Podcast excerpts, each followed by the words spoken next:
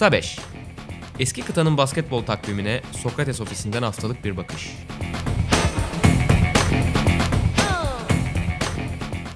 Merhabalar, Sokrates'in Euroleague podcast'i Kısa Beş'in yeni bölümüne hoş geldiniz.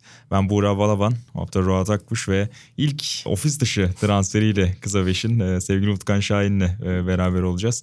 Öncelikle Utkan hoş geldin. Hoş bulduk abi. E, son birkaç senede herhalde basketbol medyasının Türkiye'de en üretken, en çalışkan yazarlarından birisin. Naçizane bana göre. O yüzden epey keyifli seninle aynı masada oturmak, burada konuşacak olmak. Senin gelişinde şöyle özel bir bölüm yapacağız bugün. E, hazır kupa arasıyla beraber bu hafta maç oynanmayacağı için Euroleague'de pozisyon pozisyon şöyle bir 12 kişilik takım kuracağız e, kendimize göre. Ama onları konuşmadan tabii ki temsilcilerimizin maçlarına da bir değinelim. Geçen haftadan kalan notları şöyle bir sıralayalım ilk girişte. Sonrasında da takımlara geçelim. Geçen haftanın biraz daha fazla konuşulan maçı elbette Fenerbahçe Beko Makabi mücadelesiydi. Son dönemde iyi bir rüzgar aldı arkasında Fenerbahçe. Sezon başındaki o kötü gidişatı biraz dağıtmıştı. Ve önemli bir hedef maçıydı. Çünkü üst sıradaki takımlara karşı pek varlık gösteremediğini gördük bu sene Fenerbahçe'nin. Çok gitti geldi maç ama son bölümde daha diri kalan, daha maça inanan diyelim taraf Makabi oldu ve 3 saniye kala 4 saniye kala gelen basketlere kazandı. Nasıl yorumlarsın, nasıl girersin? Senle başlayalım sonra Ruat'la devam edelim. Ya hafta içi ben senin Twitter'da birisi şey yaz onu gördüm. İşte Makabi iyi bile geçebilir Fenerbahçe tarzı bir yorum yaptı. Hatta sen bunun mümkün olmadığını söyledin. Ve insanlar şeye çok takıntılı. Fenerbahçe 6'ya mı çıkar, 5'e mi gider, 7'den mi yapar, 8'den mi yapar? Bence şu an asıl konuşulması gereken şeyi konuşmuyoruz. Yani Fenerbahçe 5'e gidecek, 6'ya gidecek basketbol oynamıyor şu an Fenerbahçe. Öndeki Pa- Panathinaikos, Maccabi, hatta Valencia bence daha iyi top oynuyor. Ve bu da aslında daha büyük bir problemin olduğunu ortaya çıkartıyor. Fenerbahçe playoff yapabilir mi? Büyük ihtimal yapacak gibi gözüküyor. Yani bunu tartışırız, konuşuruz ama basketbol gelişim açısından özellikle Vesil'den beri o heyecan gelmişti ya sen de söyledin daha demin. Vesil dönüşü, işte transferler, arka arkaya deplasmanda kazanılan maçlar. Bunların hepsi heyecan getirdi ama basketbol açısından o beklediğimiz Fenerbahçe hala yok. Ya bunun birçok tabii sebebi var. İşte sezon başından beri konuşulan Kostas Sulukas Nando Dekolo ki bence Makabi maçı bu işin iflası tarzı bir gösterge oldu. Nando Dekolo 20 dakika sahada kaldı ve sen maçta mıydın bilmiyorum. Aynen, maçtaydın. Taraftar sürekli onu oyuna dahil etmeye Özellikle son çeyrekte dediğin gibi yani hiç sayısı yoktu çizgiye geldiği anlara kadar ve o anda bir anda hani taraftar da sanki bir şeyler olması gerekiyormuş gibi hissedip tezahüratlara başladı ve aralıksız bir dakika yakın Nando De Colo tezahüratı geldi. Ama şalteri kaldıramadı taraftar. Ve yani işin garip kısmı mesela şey eleştirilerini de okuyorum ben. İşte Nando De Colo hiç düzen dışına çıkan bir oyuncu değil. Yani o yüzden ona düzen kurmanız gerekiyor falan tarzı eleştiriler de okuyorum. Hayır aslında yani geçen seneki Baskona serisini hatırlarsınız. 1-1 olduktan sonra çıktı iki maç aldı ve o takımın içerisindeki kavgalar da bilinen bir durumdu yani. e, bu sene de mesela benim aklıma 3 maç geliyor. Efes maçı, Barcelona maçı ve Maccabi maçı. Her kırılma anından ne zaman Fenerbahçe'nin Nando De Colo'ya ihtiyacı olduğu anda o katkıyı alamadı. Şimdi burada tek bir oyuncu suçlayıp bir günah keçisi çıkarmak bence saçma. Ama bir yandan da bir uyumsuzluğu bir problemi gösteriyor yani. Fenerbahçe eski usul basketbolunu oynuyor mu? Veseli geldiğinden beri en azından soğumada bir ilerleme görüyoruz. Daha dirençli en azından. Ama hücumdaki o problemler Fenerbahçe'nin gidişatını sezon devamı için ümitsizlik yaratıyor. O açıdan Makabi maçı belki bir yenilgi, belki bir e, telafisi olan bir yenilgi ama endişe ve takımın fiziksel hali, vücutsal hali ve işte basketbol açısından oldukça düşündürücü bir yenilgiydi. E, ben Obradovic'in hiç mutlu olduğunu düşünmüyorum açıkçası. Kesin. Ya Utkan'ın dediğine %100 katılmakla birlikte şu anda Fenerbahçe 11-13 bu maçı kazansaydı 12 12-12 olabilirdi. Yani bir maç Utkan'ın dediği gibi telafisi olan bir mağlubiyet fakat yani bu maçı kazanmış olsaydı bile Malcolm Thomas e, o pozisyonu savunabilseydi ya da topu kenardan çıkartırken kenara bir uzun bile koysaydı Obradovic bu maçı kazanmış olsaydı bir, ma- bir galibiyet olacaktı. Olay burada e, maçın kazanılıp kazanılmamasından ziyade ortaya konulan oyun anlayışı olmalı. Yer yer evet özellikle ilk çeyreğin ortalarında ve ikinci çeyreğin başında e, müthiş savunma yaptı Fenerbahçe ama yine sadece iki kişinin eline topun değdiği hücumlar gördük. Fenerbahçe tamam yavaş oynamaya alışkın bir takım. Yıllardır süre gelen anlayışı da bu o tempoyu düşürmek şeklinde ama eğer Sulukas ve Dekolo'yu siz belli şekillerde dakikalarını doğru şekilde ayıramazsanız sonuç ortaya çıkıyor. Geçen sene seninle de sık sık konuşmuştuk Buğra. Yani Dekolo'nun şu anki form grafiği aynı CSK'nın geçen seneki kaos dönemi gibi aslında. Adam hiç yani sahada olmaktan memnun olmuyormuş gibi aslında. Bir 5-6 maçlık yanılmıyorsam periyodu vardı. Sayılara bakmak lazım ama dediğin gibi yani Itulison'u 13-16 dakika bandında kullanmaya başlamıştı. Dekol'un sayıları falan da çok azalmıştı. Yani Utkan'ın dediği o düzen içinde hani bir düzen kurma konusuna ya ben Onun yerine hatta sana katılıyorum o konuda. Aksine ben, bence biraz özgürlük tanınması gerekiyordu Dekolo'ya. Yani sene başında bence ilk iki ayda işler çok kötü giderken denenen sisteme Dekolo'yu ya da işte yeni e, eklemeleri Derek Williams da dahil yedirmek üzerineydi Fenerbahçe Beko'da. Ama çok o profilde oyuncular değil. Ne Derek Williams o akan set oyununa uyabilecek bir oyuncu. Bence ne de De Colo. O da çok memnun olmuyor gibiydi açıkçası. Ki işte sondan bir önceki maç Zenit maçında gördük birkaç molada De Colo'ya dönüp ona ne oynaması istediğini söyledi Obradovic. Ona bunu ister misin? Isolation oynamak ister misin? şeklinde sormaya da başladı. Ve biraz artık o da kabullendi gibi bence ve o özgürlüğü tanıması gerekiyor. Bu maç çok kötü bir örnek. Evet yani sadece isabet olmadan tamamladı De Colo. Ama bu bence biraz biricik bir örnek olarak kalacaktır. Yani De Colo ne kadar özel bir skor hepimiz biliyoruz. O yüzden ona o öz, hani boş alanı, o esnekliği tanımak gerekiyor. Sulukaz'da dakikaları ayırmak bir çözüm olabilir gibi geliyor bana. Özellikle Westerman form bulmuşken, Nanılı eklemesi yapılmışken. Bence onlardan ikisinin dakikasını biraz bu iki oyuncuyla dengeleyip işte Sulukas varken yine o düzenin içinde Fenerbahçe'nin biraz daha alışık olduğu düzende belki hücumlar görebiliriz ama De Colo'dayken bence tamamen özgürlük gerekiyor. Yani bir şekilde çizgiye gelmeyi, bir şekilde o şutu bulmayı başaracak sonuçta De Colo. Bunu biliyoruz. Kesinlikle katılıyorum. Bence de yapılması gereken şey ama bir yandan da Obradovic'e uymayan bir şey. Yani Tabii. şeyde farkındayız. Kabulle- kabullenmek zorunda biraz Ya ben bence. Obradovic'in kariyerinde hiç iki farklı beş stiliyle oynadığını hiç hatırlamıyorum. O yüzden dekolo olduğu zaman bunu 2-3 maçtır da deniyor. Biraz daha Sulukas'la süreleri kısmaya deniyor. Westerman'ı daha çok kullanmaya deniyor ama oyuncu devamlılık da Fenerbahçe'de bu sefer probleme giriyor. Yani mesela Zenit maçının ikinci çeyreği bu senenin en iyi Fenerbahçe'siydi bence. Hem soğumada hem de ucunda. İnanılmaz bir akışkanlık vardı. Bu sene hiç görmediğimiz kadar iyi bir Fenerbahçe vardı. Ama üçüncü çeyrekte farklı bir beşe döndüğü zaman o oyun devamlılığı gelmedi. Tepe işte. taklak aynen. Ve yani mesela ben şeyleri de görüyorum. İşte Fenerbahçe 3 tane çok talihsiz maç kaybetti son saniyede. Zalgiris, Valencia, Valencia içeride Zenit. bu maç. 4 hatta yani. Bu maçları kazansaydı zaten 5. sıraya çıkacak diye. Ben şey de söyleyeyim yani Zenit ve Alba Berlin maçlarını Fenerbahçe Westerman olmasa kaybedebilirdi. Ve o zaman şu an şey konuşurduk. Fenerbahçe playoff dışında iyi konuşurduk. Çünkü arada 3 maçlık hatta Milano'ya ikiliye verdiğini düşünürsek 4 maçlık bir fark, 3 maçlık bir fark olacaktı pardon. O açıdan yani çok Fenerbahçe çok ileri düşünüyor özellikle taraftar üzerine şey üzerine ama acilen şeye odaklanması lazım. Fenerbahçe şu an playoff'u garantilemedi yani bir açıdan da onu da düşünmemiz lazım. 8 9. sırada Milano ile aynı galibiyet derecesinin sadece dışarıda 6 maçın var. Ve takipteki takım havuzu da çok geniş. Yani Evet. bir form yakalayan bir takım olduğunda alttan bir anda o yarışın iyice artabildiğini görebiliriz. Şimdi Efes'e geçeriz şeyi de söyleyeyim mesela Zalgiris kazansaydı Fenerbahçe'nin çok korkunç bir ortam Aynen. olacaktı. İki çok formda geliyorlar. Evet. Şimdi Efes'te de karşıda oynadıkları maçı da konuşuruz. Sen o değişen beşlerden bahsettin. Çok kısa onda da değinelim. Çünkü hakikaten maçın hikayelerinden biri oydu. Bu sabah biraz erken saatte Ruat'la da konuştuk. Yani maçta hani bazen savunma hücum değişikliklerini koçların son 1-1,5 dakikada yaptığını görürüz. Hani çünkü 2-3 pozisyon kalmıştır ve artık orada o ufak dokunuşlar önemlidir. Ama 4-5 dakika kala bunu yapmaya başladığınızda yani bu sefer hakikaten ritim diye bir şey kalmıyor. Yani özellikle hücum tarafında oyuncular çok soğumuş oluyor. Ne olduğunu bilmiyor. Kim var kim yok onlara alışana kadar zaten hakikaten çok düşüyor takım temposu. Yani 3 uzunlu 5 çok konuşuldu. Ufak yani çok küçük noktalarda bence birkaç dakikalık o impuls için sağlam savunma için kullanılabilir ama ya uzun vadeye yayılacak çok bir beş değil bence. Hücum çok tıkanıyor çünkü. Sürekli pota altında bir ters eşleşme yakalaman lazım ya da Westerman'ın sıra dışı bir şut günü geçirmesi lazım Evet. o beşte. Başka bir çözümün yok. Kalinic de bu durumdayken. Ya da illaki sırtınızı bu üç uzunlu beşe e, dayamak istiyorsanız Westerman yerine Dekolo'yu biraz daha tercih etmeniz gerekiyor. O beşteki Belki. Ki bu biraz da dünyanın en verimli hücumu olmayabilir belki ama Dekolo'nun en azından ilerleyen süreçte de takıma daha iyi adapte olması açısından kendi izolasyon oyunu açısından da topu dağıtması açısından verimli olabilir ancak. Ya da Kobe asisti denen Dekol'un kaçıracağı şutları o üç uzunun hücum reboundu kovalamasıyla belki bir yaratıcılık olabilir ama bakalım ne kadar ısrarcı olacak onu da göreceğiz. Devam edelim. Jalgiris'ten bahsetmişken Efes'in haftasını konuşalım. Ee, hem Jalgiris yeğendi Efes öncesinde de belki daha önemli olan galibiyette Ceska deplasmanından çıkmayı başardı.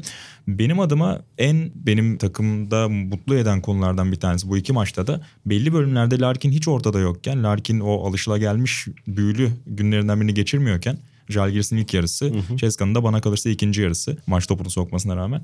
Ona rağmen takımın maçın içinde kalması, ayakta kalması, diğer parçalarını üretime devam ediyor olması bence makinenin ne kadar iyi işlediğini gösterdi bize ve bu umut verici playoff ve Final Four öncesinde. Çünkü playoff'a geldiğinizde o bireysel silahların bir şekilde yavaşlatıldığını biliyoruz. Geçtiğimiz yıllarda çok gördük bunu. Efes sanki ona hazır olabileceğini de gösterdi bu maçta. Kesinlikle katılıyorum. Yani zaten bu sürekli muhabbeti yapılan bir klişe. Tamam normal sezon uzun bir maraton ve takımlar rakibe karşı hazırlanmak yerine kendi antrenmanlarını tekrar ediyor olabilirler ama dediğim gibi playoff'ta minimum 3 maç oynuyorsunuz ve doğrudan rakibe hazırlanma imkanınız var. Yani rakibin en iyi oyuncusunu ya da en iyi ikinci oyuncusunu amiyane tabirle kitleme imkanınız bir şekilde bulunuyor.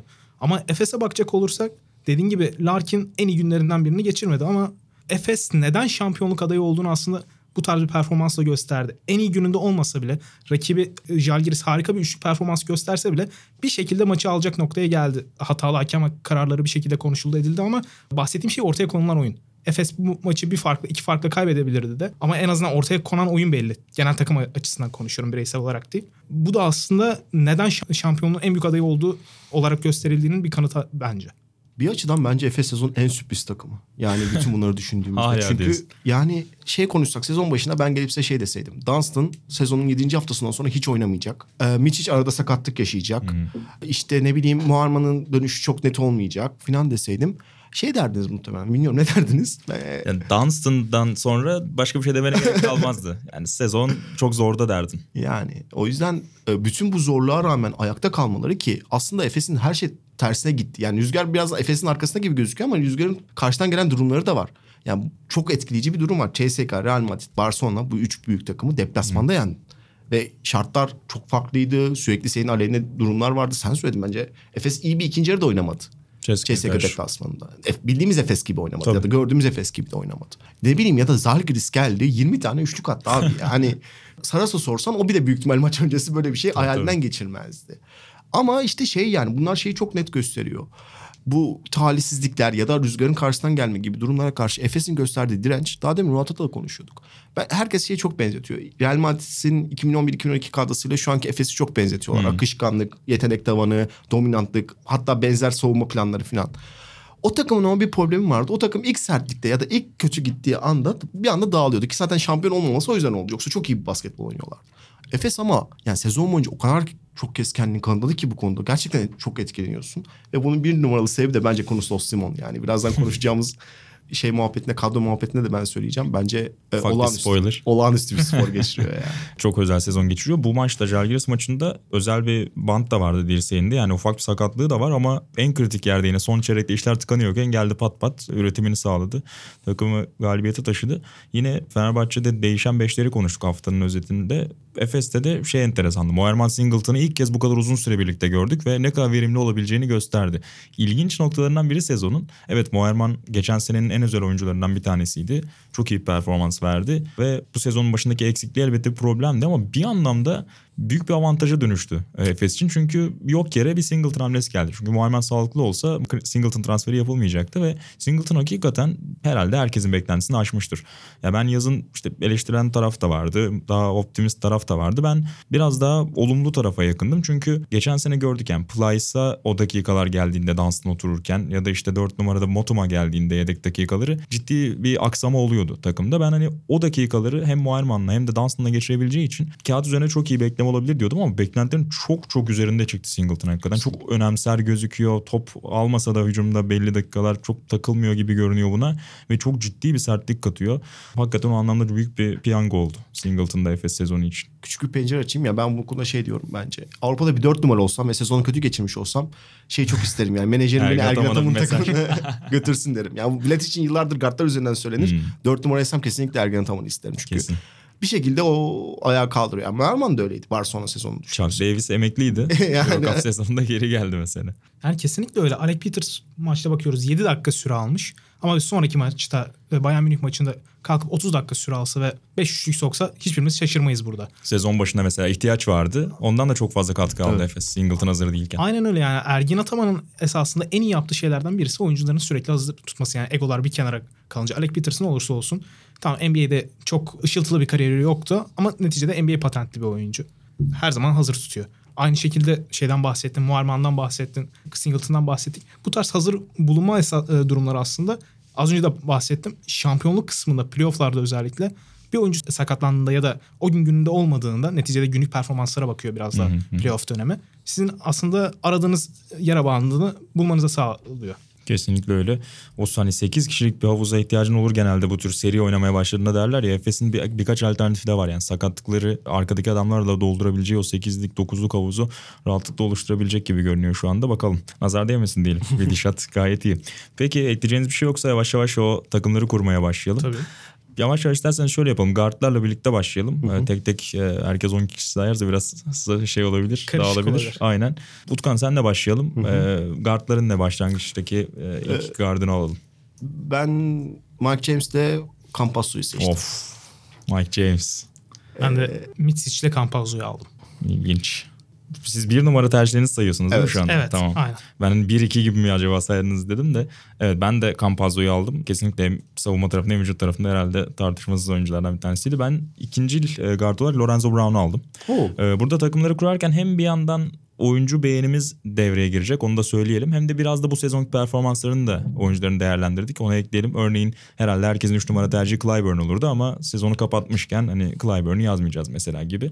Ben o yüzden Lorenzo Brown'u aldım. Özellikle ya şimdi Panther eklemesiyle beraber kullandığı top sayısı azaldı Brown'un ve o etkileyici döneminden biraz uzak. Ama hatırlarsın yani bir ayı inanılmaz oynadı Lorenzo Brown ve o yüzden hani biraz daha dengeleyici unsur da olabileceğini düşünüyorum ve o dönemini de ödüllendirmek adına ben onu yazdım yedek kart olarak. Bence Lorenzo Brown bu seneki performansıyla Avrupa'da 4 yıllık bir kontrat aldı yani. 34'e Öyle kadar görünüyor. falan gider. Bu şey. Özellikle Rus takımları. Yani, Ku- Kuban falan hiç affetmez verir parayı yani. Euro Cup'a bile çekebilirler. yani. Pekala iki numaralara geçelim. Nerede söylemezsem Evet, ikiye yazacağız. linç gelir. Larkin 2'ye. Ben Wilbeck'ini seçtim ayrıca. Hmm.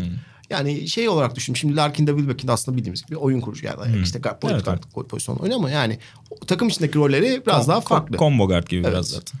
Yani Wilbeck'in geçen sene şey deseydiniz açıklaması yani Maccabi koçun açıklamasıyla hatırlarsınız işte benim spornistim olacak dediğinde herkes Hmm. gülmüştü çünkü felaket bir sezon geçiriyordu. Clutch Time'da 2'de 13'te falan atıyordu ki yani başka kimseye top veremiyordu. Sürekli yani. o deniyordu.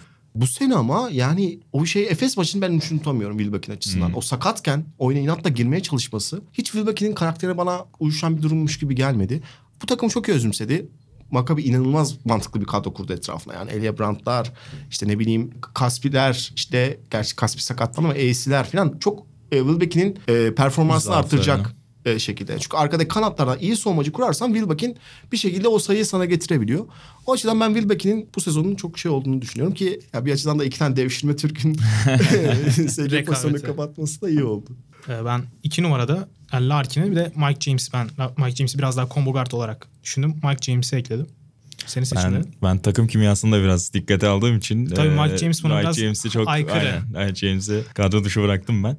E, ya ben Corey Higgins'i aldım. Biraz geçen sezonda mirasıyla birlikte. Evet bu sezon o alışılagelmiş iki sezondur şu izlediğimiz Higgins yok. Orada biraz faturayı pesişçe ben kesip e, Higgins'i muhafaza altına alıyorum, koruma altına alıyorum. Bir yandan da hem fizik katkısıyla hem savunma etkisiyle hani guardların sürekli hücumu düşünebilecek o guard rotasyonunda dengeler diye dikkate aldım. Corey Higgins'i koydum şaşırdığım nokta kimsenin Kalates'e gitmemesi. Onu bir sorayım birkaç cümleyle neden kimse Kalates'e gitmedi. Ben bu tür büyük defoları sevmiyorum takımda. O yüzden o devasa şut defosu bir noktada playoff'ta bir yerde önüne çıkıyor. O yüzden ben Kalates'i seçmedim. Sizin cevabınız? Ya esasında Utkan'la podcast öncesinde konuştuğumuzda benim biraz aklımdaydı. Hmm. Hatta yazmıştım da listeye ama yani 3 sayı yüzdesi vesaire ve yani çok da sevilmeye müsait olmayan bir oyuncu tipi olması itibariyle optimal bir kadro kuruyor olsaydı kendi beynimize göre Kalates almak biraz daha zor olabilir elbette. Açık alanda epey sevilesi bir oyuncu ya ama. Evet. Hani hızlı hücuma çıkıyorsan Ya ben şöyle söyleyeyim ikinci bir kadro daha kursak yani ilk kadroyu kurduk ikinci kadroyu kursak ben gene karar o kadar.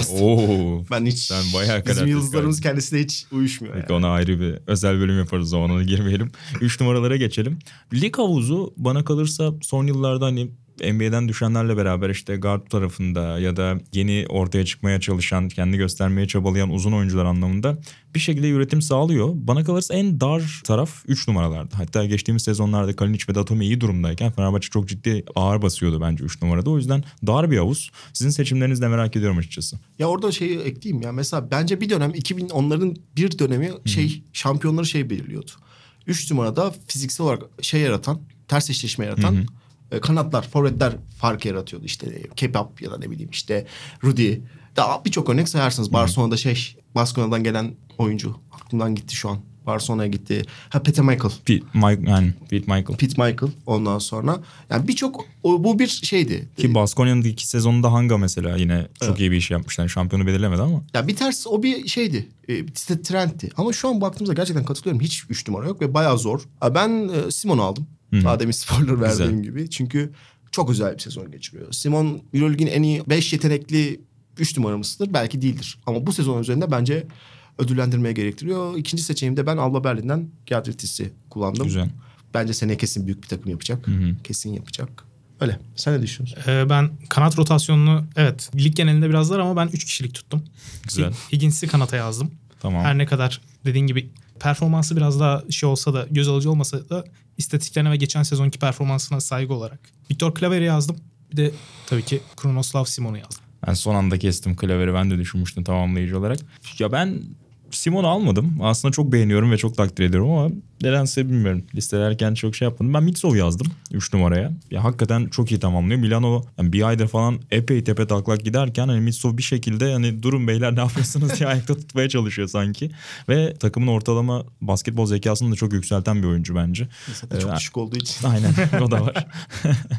Her zaman parkede görmek istersin. Bir de Mateusz Ponitka'yı koydum. Yani bu kadar kötü grafik çizen takımlarda oyuncular çok almayız ama ben Ponitka'yı çok beğeniyorum. Yani bence o da Euroleague seviyesinde kalacak ileride. Zenit'le mi olur, başka bir takımda mı olur bilmiyorum ama bence çok iyi tamamlayıcı. Çok sert. Hücumda sürekli hareket ediyor. Yani o katlar bence en zeki kat yapan oyuncularından bir tanesi ligin. Sorumluluk alması gerektiğinde bunu yaptığını da birçok hem Zenit'te gördük hem yazın milli takım formasıyla gördük. Çok beğeniyorum. O yüzden Politika'yı ben biraz ödüllendiririm. Yani takım çok kötü olduğu için çok fazla ışıldayamıyor sakatlık- belki ama sakatlık da çok biraz da sakatlıkla uğraştı. Doğru söylüyorsun. Yani ben şey anlamıyorum mesela Jeff Taylor yerine geçen yazın da konuşmuştuk Hmm. hatırlarsın. Yani ben Politika'ya giderim. Keza. Gerçekten çok büyük bir yani büyük bir takımın belki en önemli üç oyuncusundan bir tanesi olamaz. Ama gerçekten çok iyi bir tamamlayıcı. Bence. Simon etkisi yaratabilir mesela iyi bir Gerçekten takımda. Yani. Ve şey onun en büyük şansı da şey oldu bir yandan. Küban dışında ama o Küban takımı da çok Hmm. kötü bir kadroydu. Yani çok uyumsuz bir kadroydu daha doğrusu. Hep böyle işte Zenit ya da ne bileyim işte Goyra'da oynamıştık galiba Hmm. ilk Euroleague sezonu. Karşıya kadar gene Buraya geldi. şey yapması gerekiyordu. O açıdan hep böyle bir sürükleyici oyuncu olması gerekti. Tam öyle bir oyuncu değil ama üçüncü, dördüncü olarak çok fark yaratabilecek bir oyuncu. bence. Takım seçimi ve rol o şey çok belirliyor oyuncuların kariyerini Tabii. hakikaten. O o anlamda çok iyi bir yazı turu atmadı şu ana kadar. Dört numaralarınız herhalde çok tartışmayacağız galiba burada. Nikola Mirotic'i koymak zorundayız. Çarparlar yoksa. Ben ikinci sıraya Tornike Şengeli'ye koyuyorum. Çok çok özel bir oyuncu. Hatta yani bence Mirotic'ten daha iyi performans gösteriyor. Ki karşı karşı oynadıkları maçta da inanılmaz bir smaçı vardı maçı getiren. Doğru. Üç numaraya da ilk çeyreklerin istatistik adamı Anthony Randolph'u koydum. Geçen gene Alba Berlin karşısında 19 sayı attı. Acayip ya. Diğer üç çeyrek yoktu yani. Çok tuhaf o konuda hakikaten.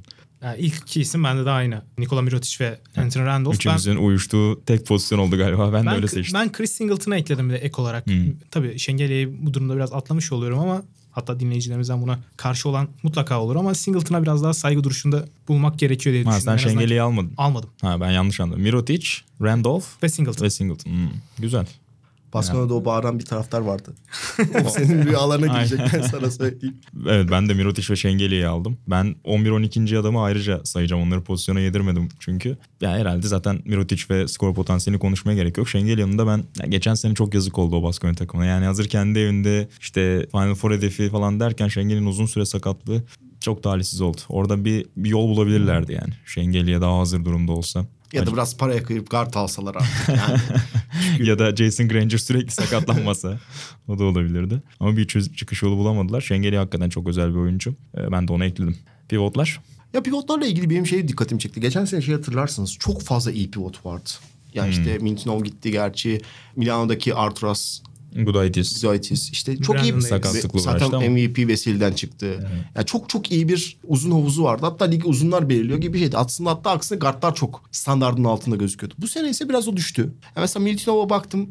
Ya Olympiakos'un problemleri, onun çok problemleri değil ama Ben de öyle Miltinov da düşünüyorum. çok net bir basketbol oynamıyor açıkçası. Yani tamam reboundları çekiyor, soğumada sert, şey kapatıyor. Seneye Real Madrid ya da CSK'ya giderse muhtemelen sezonun en iyi transferlerden bir tanesi olarak konuşuyoruz ama kişisel performans olarak beni bu sezon tatmin etmedi. O yüzden ben birinci olarak Boyan Dublevic'i koyuyorum.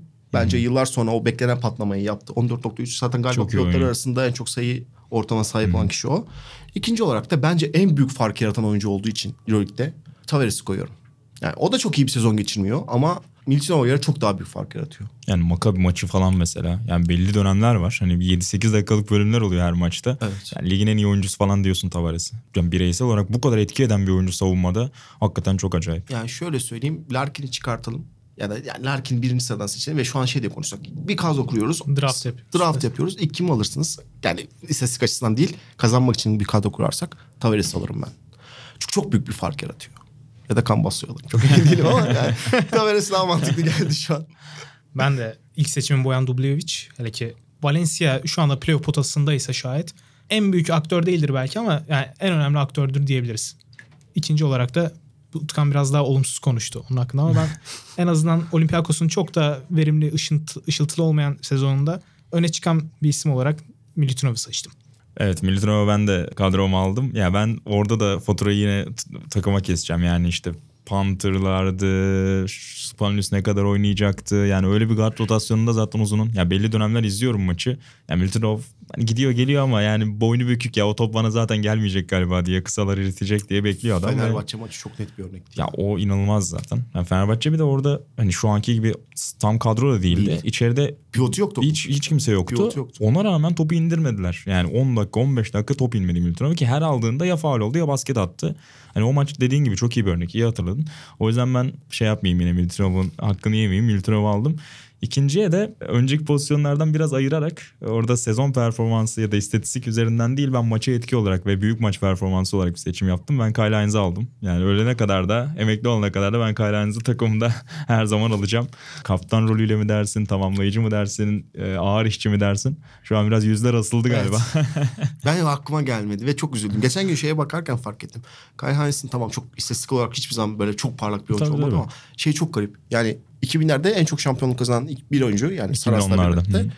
Ee, yok 2000'ler Hayır boyunca. yani 2000'lere bak. Modern Euroleague'de. Aynen. Ama aynı zamanda hiç ilk beşe seçilmişliği yok. Yani Aynen abi. ikinci beşte bir de seçilmişti. İkinci beşte de yok. Bir tane bile yok ya. Çok üzüldüm o yüzden yani. Ee, ve şu an keşke elimde olsa da koysam ama seçeneklerimi Kaçırdın. ee, Hines'ı aldım. Birer de 12'yi tamamlayalım dedik. Ekstra oyuncu seçelim diye. Siz arada kadrolarda yedirdiniz galiba. Evet, Söylediniz. Ben biraz daha buraları rol oyuncusu seçtim. J.C. Carroll'ı yine tuttum kenarda. Yani sıkışırız bir problem olur. Birkaç perdeden çıkarıp o şutu teslim edecek bir oyuncu olarak Carroll'ı aldım. Bir de Kurbanov aldım. Ee, bir sertlik. Forvet'ten rebound katkısı. Ee, bir de bu oyuncular çok diğer oyunculardan top kalmayacağı için çok şikayet etmeyecek profilde olsunlar dedim. O yüzden onları biraz daha performanstan ziyade rol olarak belirledim ben. Ama Carroll yerine Gedraitis de fena olmazmış şimdi. Sen deyince Ha, evet. düşündüm. O da Ben de şeye gittim yani keşke Hackett'ı koyabilseydim. ki Hackett Bence şu an mesela- aynen, en düşündüm en azından savunma açısından. Tabii tabii. Tabii yani, Yani mesela Efes maçında da yani bir ara her şey tıkanmışken tak tak tak sürelerini üretti 12 sayı attı galiba. Hackett'ın şu son 2 yılda edindiği saygınlık çok enteresan. Ondan önceki 3-4 yılda hani gülünen falan bir oyuncu haline geliyordu neredeyse Hackett. Bambaşka İki bir büyük rolde yani şey. İstanbul'a gelseydi büyük ihtimal beğenilmeyen bir transfer Tabii tabii. olacaktı. Yani Itudis'in orada mesela hakkını teslim etmek gerekiyor herhalde. Yeniden doğru. Türkiye'de çok sevilmiyor ama Itudis. Ee, öyle şeyler yapıyor arada. Evet listeleri tamamladık. Var mı ulan şu aklımıza gelmemiş şimdi düşününce geldi dediğiniz hayıflandığınız biri var mı? Yani kesinlikle Heinz'a üzüldüm ama Hackett'a da en azından bir selam çakmış olalım. Kısıtlı süreler alıyor ama ya zaten kariyerin belli büyük bir kısmında iyi bir savunmacıydı ama özellikle bahsettiğim gibi şu son iki sezonda peş peşe sayı atmasıyla o özellikle geliştirdiği orta mesafesiyle bence de en azından bir saygı duruşunda bulmamız gerekiyor. Hücumda aldığı sorumluluk hakikaten enteresan. Eğer biriniz Alex'i şiveti alsaydı eğlenseydi. Aman aman Aman. aman. Tadımız kaçmasın. Yavaş yavaş sona geldik galiba şivet diyorsak. Abi bir gün de şivet özel bölümü yapalım hakikaten ya. Yani- Şivet'te takım arkadaşı olmak adlı bir korku şey. filmi. Çok zor bir şey ya. Çok zor bir şey. Bu şey Daçka'da geçen sene oynayan Markel Brown'la Hmm. konuşmuştum ben bir şeyden sonra basın e, basın gününde. Hmm. Hiç iyi şeyler söylemiyor. Gerçi Spornis için de çok iyi konuşmuyor. Aman o biraz- E, O top kullanmak istiyormuş Evet. galiba. Beğenmediği topçuları gönderiyormuş. Pekala ağzınıza sağlık o zaman. Özel listeyi tamamladık ve dinleyenler de e, belki listelerini yollarlar, takımlarını paylaşırlar. Üzerinden de sosyal medyada konuşma imkanı buluruz. Utkan, Roat ağzınıza sağlık. Önümüzdeki haftalarda Euroleague gündemini, Euroleague maçlarını konuşmaya, playoff yolunda, Final Four yolunda sizlerle birlikte olmaya devam edeceğiz. Yeniden buluşmak üzere, hoşçakalın.